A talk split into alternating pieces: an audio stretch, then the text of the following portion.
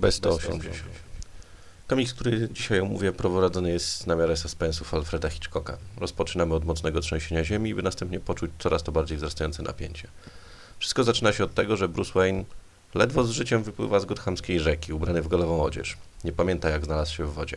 Pełen obaw przybywa do swojej rezydencji, gdzie nieoczekiwanie czeka go jeszcze większy szok. Jaskinia z niewyjaśnionych powodów znikła, a lojalni sprzymierzeńcy w walce z przestępczością stanowczo twierdzą, że nic o niej nie wiedzą. Utrzymują ponadto, że Bruce nie był i nie jest Batmanem, czego dowodem są wiadomości telewizyjne pokazujące rzeczonego Batmana w akcji na żywo.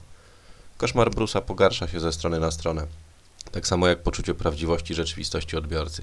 A gdy sądzimy już, że wszystkie karty zostały odkryte, to zostajemy niespodziewanie zaskoczeni. Fani animowanego Gacka mogą odczuć teraz nieprzyciemne poczucie déjà.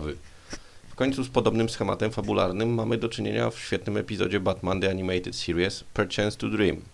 Mało jednak kto wie, że ten odcinek jest animowaną adaptacją krótkiej opowieści Milligana i Mandrake'a. Wróćmy jednak do samego komiksu. Twórcy opowiedzieli kryzys tożsamości w taki sposób, żeby czytelnik odczuwał krępującą niepewność. Asymilujemy się ze skołowanym Brusem, nie potrafiącym uwierzyć w idylliczny świat, w którym jego rodzice nie zostali zabici przez poli- pospolitego rabusia, a on sam prowadzi życie frywolnego playboya. Szczęście z pomyślności udanego życia widoczne na twarzach Alfreda i Tima Drake'a powoduje tutaj nieswojski klimat. Od początku wiemy, że jest za pięknie, za doskonale. Świetnie łączy się to z problemem psychologicznym Bruce'a, który czuje się zagubiony bez swojej drugiej mrocznej połowy.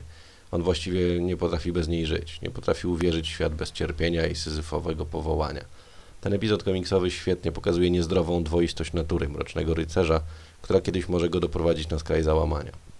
Graficznie historia jest wykonana rzemieślniczo. Mandrake, znany ze swojego ostatniego crossovera Supermana i Batmana z potworami i z tych słabszych Punisherów Enisa, wykonuje tutaj solidną robotę, nie popełniając przy tym jakichś rażących błędów anatomii postaci oraz odzorowywaniu różnych wnętrz i środowisk.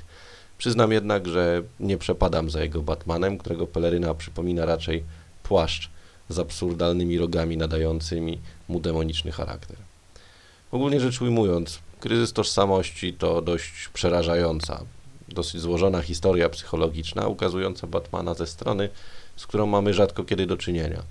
Dzięki takim komiksom widzimy skomplikowaną głębię postaci, która w tej historii, parafrazując Notowską, obudziła się z nocnikiem w dłoni. Pewne, ale satysfakcjonujące. Warto po to sięgnąć. Pozdrawiam. Chudy.